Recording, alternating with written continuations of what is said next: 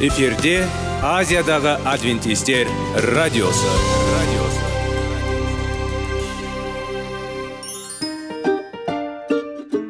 сәлем достар. Денсаулық өмір бұлағы және біздің бірінші байлығымыз демекші денсаулық сағаты рубрикасына қош келдіңіздер.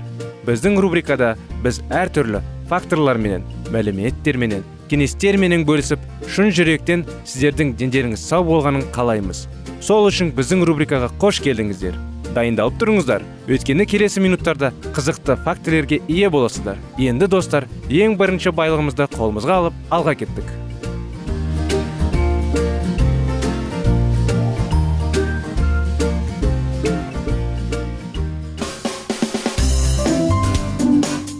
Денсаулық туралы хабар. Денсаулықтың ашылуы. Күн сайын сөз үшін күшті кеңестер соңғы жаңалықтар қызықты факторлар. Біздің рубрикада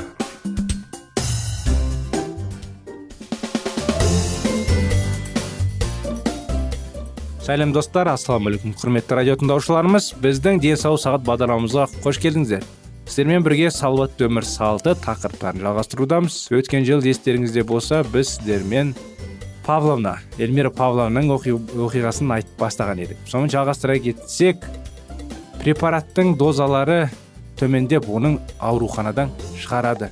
Неғұрлым аз нормалған температура. Бірақ мен күндіз 37-2-37-6 градусқа дейін. Мұндай ауыр симптомдармен эльмира павловна бір жыл қиналды.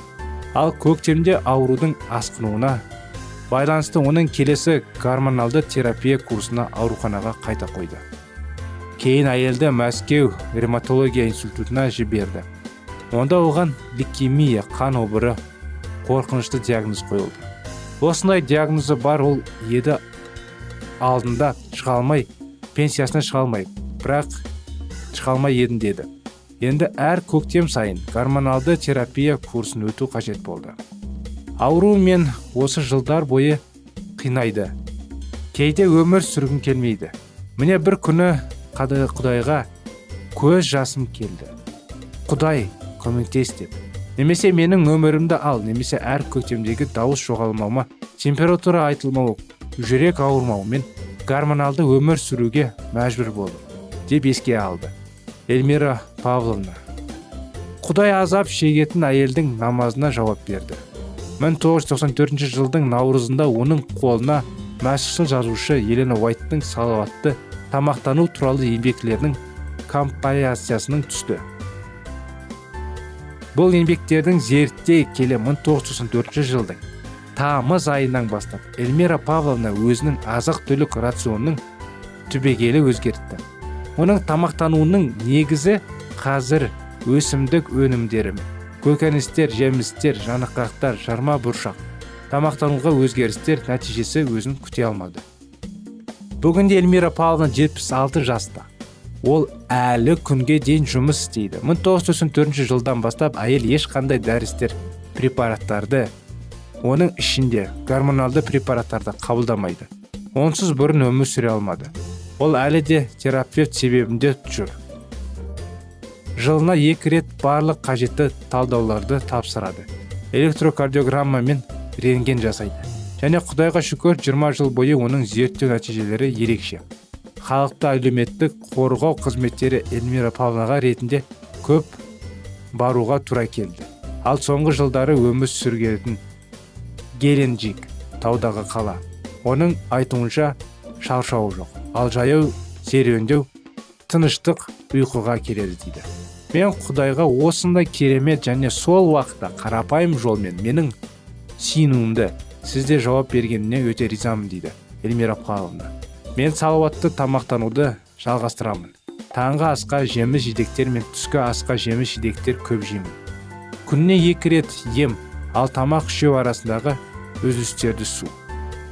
Мен кешке кеш жеміс ұйықтаймын таңғы беске оянамын киелі кітапты оқимын дұға етемін және апта сайын құдайға құлшылық етуді барамын дейді. Осы жылдар ішінде жинақталған жеке тәжірибенің арқасында құдайға деген сенім соншалық.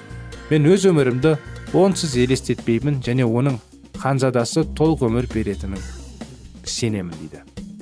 Қалай көп жеуге болады салмақ аз болатындай.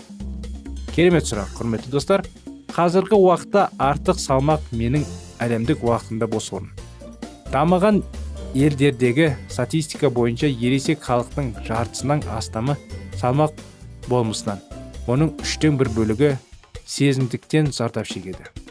Өкінішке орай жыл сайын жағдай нашарлап барады. Артық салмақ денсаулық жағдайына ғана емес өмір сапасында нашарлатады. Осы мақаланың авторлары оқырмандардың кейбір сұрақтарына жауап беруге және мәселені шешуді ұсынуға тырысады. Сіз не ұсынасыз? Денсаулыққа энергияның артуына тамақтануға кедергі жасау мен ақшалай шығындардың қаупін төмендетуге қабілетті осындай диета мен өмір салты қажет. Адамдар аштық сезіммен сезбейтін салмақты жоғалтуға мүмкіндік береді. Бірақ бұл мүмкін емес бұл өте мүмкін емес.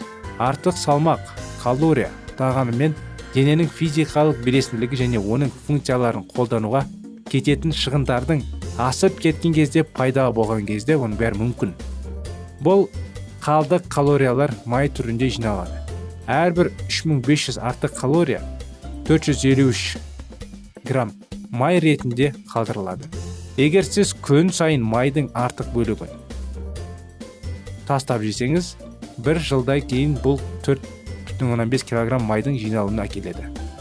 Керісінше егер сіз бір апта ішінде десерттен 500 калория қалыс қалсаңыз онда бұл жарты килограмм май құтылуы көмектеседі. Табысқа жету құпиясы аз калория жеудің үйрену. Ал жеген тағамның сынынан шектей отырып өзін аштықпен ұстармау бұл қайшылық емес пе? Бүгінгі бүкіл әлем қарама қайшылықтарға толы. Танымал журналдар беттерінде және теледидар экрандарында диірмен жұқа сұлар тартылған ерлер мен өнімнен бояулы жарнамалары сезіндік. Қазіргі заманға тамақ технологиясы қымбат емес. Төмен калориялы үлкен көлемдері азық түлікке ие. Жоғары калориялы аз көлмеде калориялы нашарлар бар. Бүгін тамақ бірнеше бөліктермен бірге көп калория жұтып түскі ас беруге болады. Таң қаралылық емес бірақ адамдар аш тітіркенген және тамақ ішеді. Қазіргі заманғы елу пайыздан астам дамыған қауымды технология қайта өндірілген. Өмірлік қажетті қоректік заттардан және қымбат бағалы клетчаткадан терілген калориялар құрайды. Бұл семіздікке сенімді жол. Осындай кеңестер құрметті достар. Салмақты дұрыс қадағалау керек. Оның қалай қадағалау не істейтінінің мағыналарын келесі жолы айтамыз. Бағдарламамыз аяғына келді құрметті достар. Келесі жолға дейін сау саламат болыңыздар.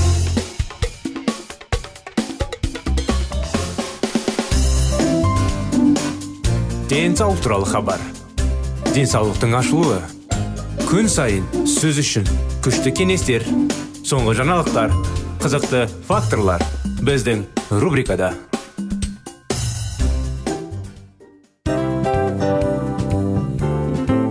Әуелі байлық денсаулық екінші байлық он саулық үшінші байлық ақ жаулық. Ал енді осындай радио парақшадан кейін не дейміз?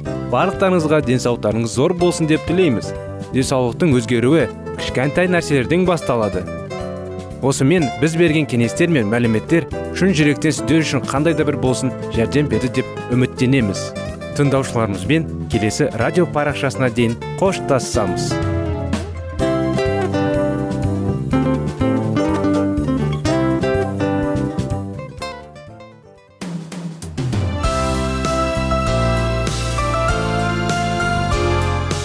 эфирде азиядағы адвентистер радиосы.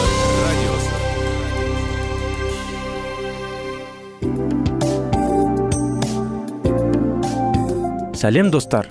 Барлықтарыңызға шын жүректен сөйлесейік рубрикасына қош келдіңіздер деп айтпақшымыз. Шын жүректен сөйлесейік бағдарламасы әртүрлі қызықты тақырыптарға арналған. Шындығында шын жүректен сөйлесейік деген сөздің мағынасы екі достың екі адамның ортасындағы шын жүрекпен сөйлесуі бір біріне сенуі ашықтық пен шындықты білдіреді. Сол үшін біздің бағдарламалар әртүрлі қызықты тақырыптарға арналған. Дайындалыңыз жаңа қызықты мәліметтерге ие болуға. Ондай болса кеттік.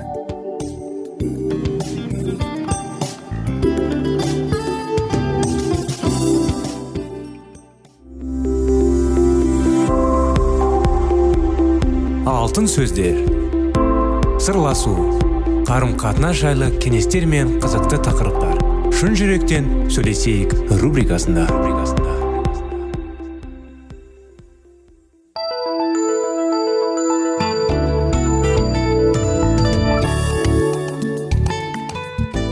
Сәлем достар. Ассалаумағалейкум біздің құрметті радио тыңдаушыларымыз.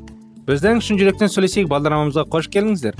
Құрметті достар біздің бағдарламада әрдайым сіздермен бірге қарым қатынас жайлы. Ол не деген сонда бала мен ата ананың арасындағы қарым қатынас жайлы.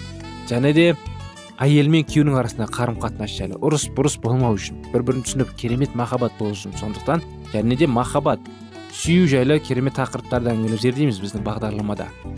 Қарым қатынас достықтар жайлы. Дос пен достың арасындағы соның бәрінің арқасында біз бір бірімізбен шын жүректен сөйлесуге тырысамыз.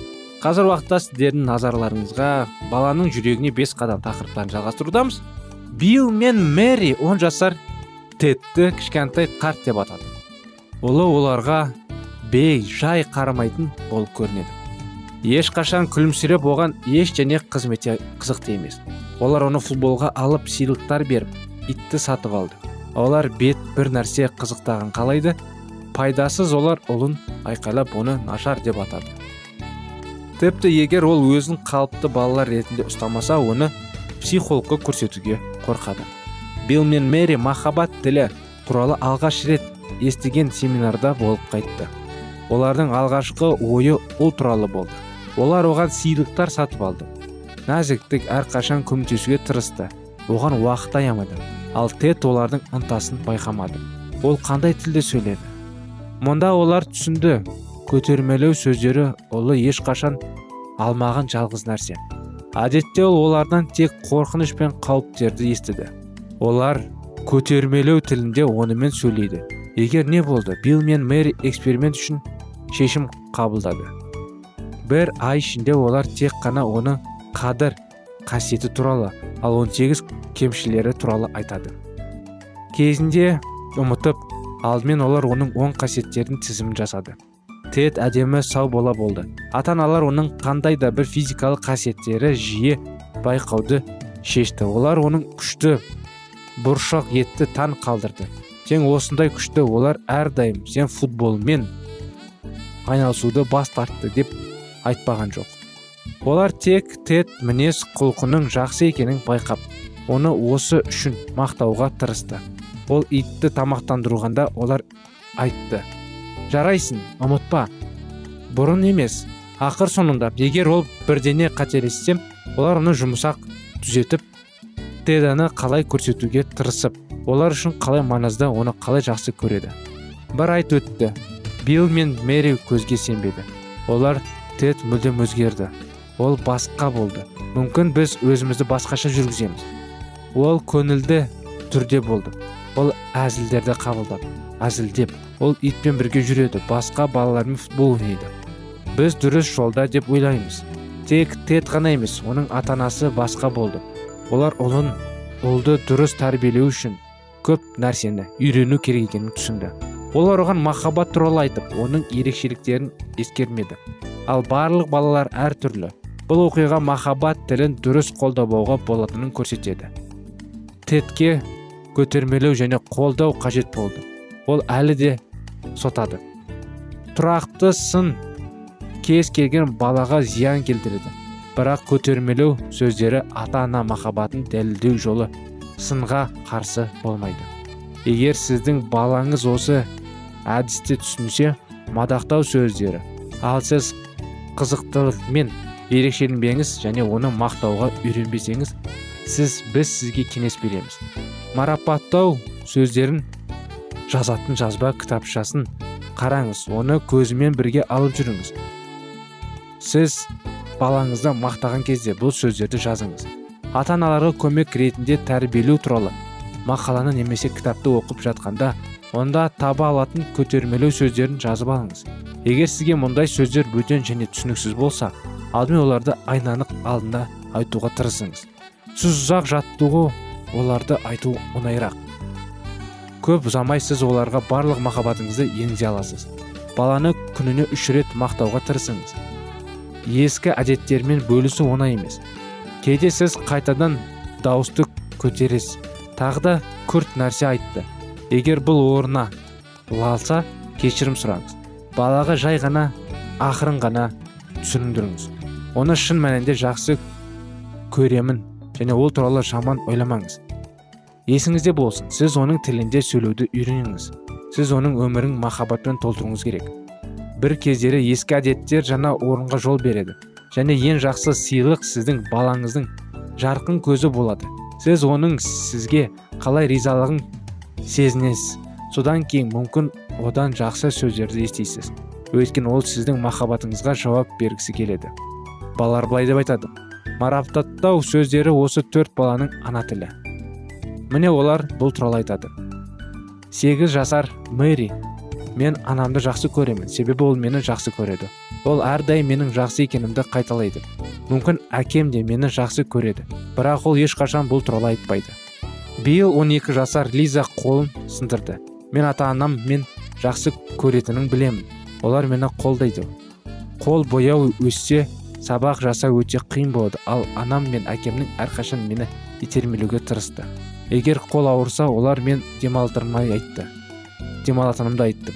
Олар мені қалай мақтан тұтатынымды қайталады. Олар мен жеңгеніме сенімді болды.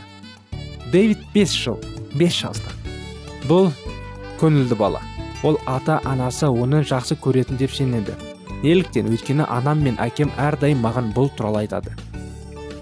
Он жастағы джон жетім. Сегіз ай бұрын оны боб пен бетси асырап алды.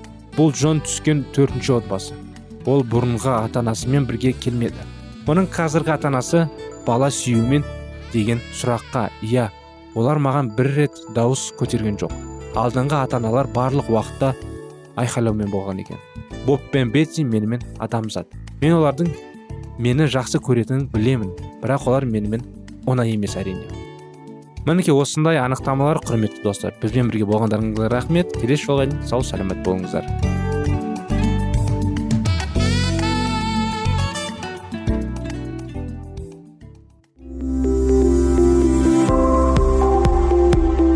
Алтын сөздер. Сырласу. Қарым қатынас жайлы кеңестер мен қызықты тақырыптар. Шын жүректен сөйлесейік рубрикасында.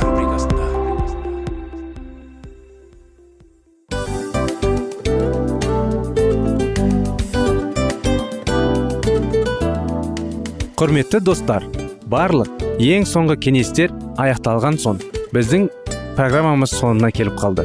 Осы біздің мәліметтер осы рубрикада айтылған әрбір сөздер сіздерге өзінің қандай да бір пайдасын алып келді деп шын жүректен сенеміз. Және бұдан да көптеген рубрикаларымыз бар. Басқа рубрикаларымызда біздің зерттеулерімізде сіздер үшін тағы да қызықты мәліметтер дайын. Біздің шын жүректен сөйлесейік парақшамызда көптеген әдістер ең соңғы кеңестер адамның нравственность жақтан моральдық жақтан тазалап байыта тұрған соңғы кеңестердің барлығын жанарады. сондықтан алдыңғы күндерде бізбен бірге болыңыздар. Өйткені барлық қызықтар алдыда. Бізбенен бірге болғандарыңызға үлкен рахмет. Келесі кездескенімізше сау сәлемет болыңыздар.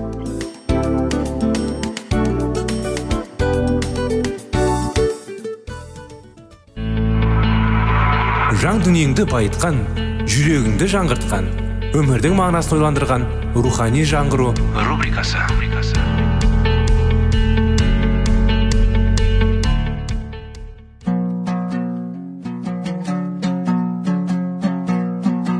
Ассалаумағалейкум біздің тыңдаушыларымыз. Келі кітаптың шындығын ашып берген қысқа бағдарламасына қош келдіңіздер. Барлығынан жоғары жаратушы біздің қарыңғылықта жалғыз қалдырып қойған емес. Өйткені ол келешекте не болу керек екенін кітаптың парақтарында ашып береді. Немесе келіңіздер бізге қосылыңыздар. Жаратушы бізге нен ашып бергенін зерттейміз. Ассалаумағалейкум армысыздар құрметті достар құрметті біздің радио тыңдаушыларымыз. Рухани жаңғыру бағдарламамызға қош келдіңіздер. Өте қуаныштымыз біздің бағдарламамызға қосылғандарыңызға. Бүгін біздің бағдарламада жаңадан біздің бағдарламаны естіп жатқан тыңдаушыларымыз болса сіздерге де сәлем жолдаймыз. Біздің бағдарламадан алыстамаңыздар. Рухани жаңғыру бағдарламада әрдайым рухқа кеңес беретін пайдалы тақырыптар әңгімелеп зерттеп оқып диалогтар жүргізіп ең бастысы құдайдан кеңес алуға тырысамыз. Қазіргі уақытта сіздердің назарларыңызға сенуді қалай үйренуді тақырыптарын жалғасудамыз. Сондықтан досым тыңдаңыздар. Сіздердің дәрменсіздігіңіз сіздің ең жақсы мәжатыңыз ол сіздің жүрегіңізде құдайдың жүрегіне сіздің барша сөздері мен жүйелі синустарыңыздан да артық мұншағда ол сізді дәрменсіздік сезіміне бой алдырған сәтінде ақ естиді. Сал адамның үнсіз дұғасы естігендей ол сізге де да дереу көмектесуге дайын. Егер сен ана болсаң онда мына жатың бұл қырын сен жақсы түсінесің. Сенің кішкентай сәбиің өзінің бір тілегін де сөзбен жеткізуге қабілетсіз. Бірақ соған қарамастан ол қалағанын жылау арқылы білдіреді. Ал сен оның не сұрап тұрғанын түсінесің.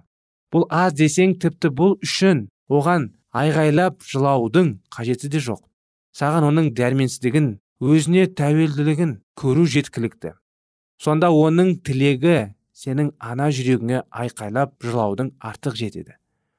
Барлық аналар мен балалардың әкесі болғандықтан біздің мұқтаждарымызға құдай да атсалысады біздің дәрменсіздігіміз оның әкелік жүрегіне бағытталған жалғыз өтінішіміз және ол осыны естуге және бізге көмектесуге қашанда дайын.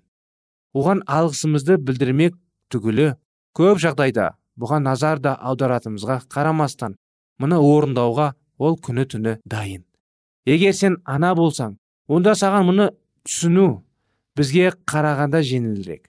Ол үшін не істеп жатқаныңды қандай құрбандыларға барып қандай азап шегіп жүргеніңді сәбидің түсінбейіне қарамастан сен күні түні сәбиінің қамын ойлайсың. Ол наразы болып кейде саған қарсы шығады да бірақ сен оған абыржымайсың. Оның дәрменсіздігі аналық жүрегіне бағыттайтын өтініштерің бәрін сен үшін естисің. Құдай да дәл осындай тек бір айырмашылығы. Оның сүйіспеншілігі адам деркіне қарағанда кемелді сүйіші ананың өз өмірін баласына арнайтын секілді. Құдай да ақыл жетпейтін рақымымен өзінің мәңгілік өмірін күнәқар баласының қамын жасауға арнайды. Құдайдың қарым қатынасы бәріне бірдей. Оның ішінде әлі бет бұрмаған адамдарға да сірә сен құдай өзіңді сүймейді деп ойлайтын болсаң кейде сен құдайдың өзіне мүлдем шаруасы жоқ деп ойлайсың. Тіпті барлық жоспарларыңды бақытыңды бүлдіріп құдай өзіңді қуғындап жүрегіңдей болып көрінеді жоқ досым құдай ондай емес. Тек сен оны білмейсің. Құдайдың қандай екенін тыңда. Ол жамандарға да жақсыларға да күн сәулесін бірдей түсіріп әділдерге де әділетсіздерге де жаңбырды бірдей жағызады мәсіх өзінің соңғы күшін соңғы сәтін дұшпандары үшін мына жатқа пайдаланды. Әке оларды кешіре көр деп. Олар не істеп жатқандарын түсінбейді деп. Иерусалимге соңғы рет келген кезінде және осы бір әділетсіз әрі қынар қаланы құтқаратын ешқандай амалы қалмағанда қаланы күтіп тұрған ауыр жазаны білетін ол елеон тауында тұрып иерусалим үшін жылады. Міне құдай осындай. Ол өзінің жауларын жақсы көреді. Әділетсіздердің мұқтаждықтарын олардың арзан қуаныштары мен уайымдарын азаптары мен қорқыныштарын көргенде құдай олардың уақыт ағымымен тозақтағы мәңгі азапқа қарай жақындап келе жатқандарын ал олардың мұқтаждықтары мен дәрменсіздіктері өзінің көмек сұрап зарлайтынын көрді. Ол осы зарды естеді және оған көмектесу үшін өзінің баласына қарай қолын созады. Сонда құдайға бет бұрмаған адам егер ол өтініші нәрселерге қатысты болса көмекті қабылдайды. Ал құдай оның жанына көмек ұсынған кезде дәрменсіз адам қорыққанынан теріс айналып өзін құдайынан тура қашады. Оның бет бұрғысы келмейді. Сүйіну дәрменсіздіктерге арналған. Енді құдайдан қашпай бірақ көктің нұрынан астында киелі күйде тұрған дәрменсіз күнәқарға арналған. Ол өзінің бұрынғы күнәларын жүрегінің таза еместігін тәубеге келмегенін тас жүректің мен немқұрайлылықтығын құдайға келі кітапқа мінәжатқа қарсы наразылығын күнәға қатысты еркінің әлсіздігін сезінеді. Енді оның не істеу керек? Өзге адамдар секілді бұл мұқтаждықта ол құдайдан көмек сұрап жалбарынады. Анда санда немесе үздіксіз мінәжат етеді. Бірақ ол құдайдан ешқандай жауап алмайды. Ол өзін жұртта жалғыз қалғандай сезінеді. Сонда ол бар күшін салып жалбарынады. Айналасында өз зарын естігендей бірде бір адам көрінбесе де ол жалбарынуы тоқтатпайды. Сонда әбден жаншылған күнәқар былай дейді. Құдай маған жауап бермесе яғни онда мен дұрыс сүйініп жүрген жоқпын. Менің бұл зарым мінәжат деп атала ала ма? Бұл жай ғана бос сөздер емес пе? Олар тек бөліменің төбесіне дейін ғана жетіп жатқаның жоқ па? Егер де бұл сиынуда қажетті байыпталық пен есімді ерік болмаса онда бұл құдайдың құлағына жететін дұға емес. Менің дәрменсіз досым сенің дәрменсіздігін құдайдың әкелік жүрегіне жететін күшті мұнажат болып табылады. Құдай сен оған өз мұқтаждығыңды адал мойындаған сәтте ақ естіді. Әлде жердегі дәрменсіз балаларының бірі өзіне жүгініп жатқан жоқ па екен деп ол күні түні құлағын жерге қарай түріп жүреді. Әрі қарайтында құдайдың өзінді азат етуіне сенің сүйінің түрткі болмайды. Жоқ сенің дұғаң иса жүрегінің есігін қағып жүрегіне еніп мұқтаждығына көмектескісі келетінін саған айтқанының нәтижесі. Сен сиына алмағандық мен үшін бәрі жабық деп ойлайсың. Достым дәл осы дәрменсіздігін сенің сиынуыңа шешуші рөл ойнайды. Мінекей осындай кеңестер осындай анықтамалар құрметті достар.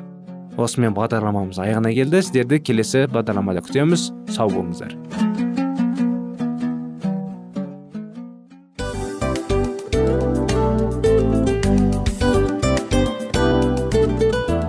Мынау осы уақыт тез өтіп кетеді екен.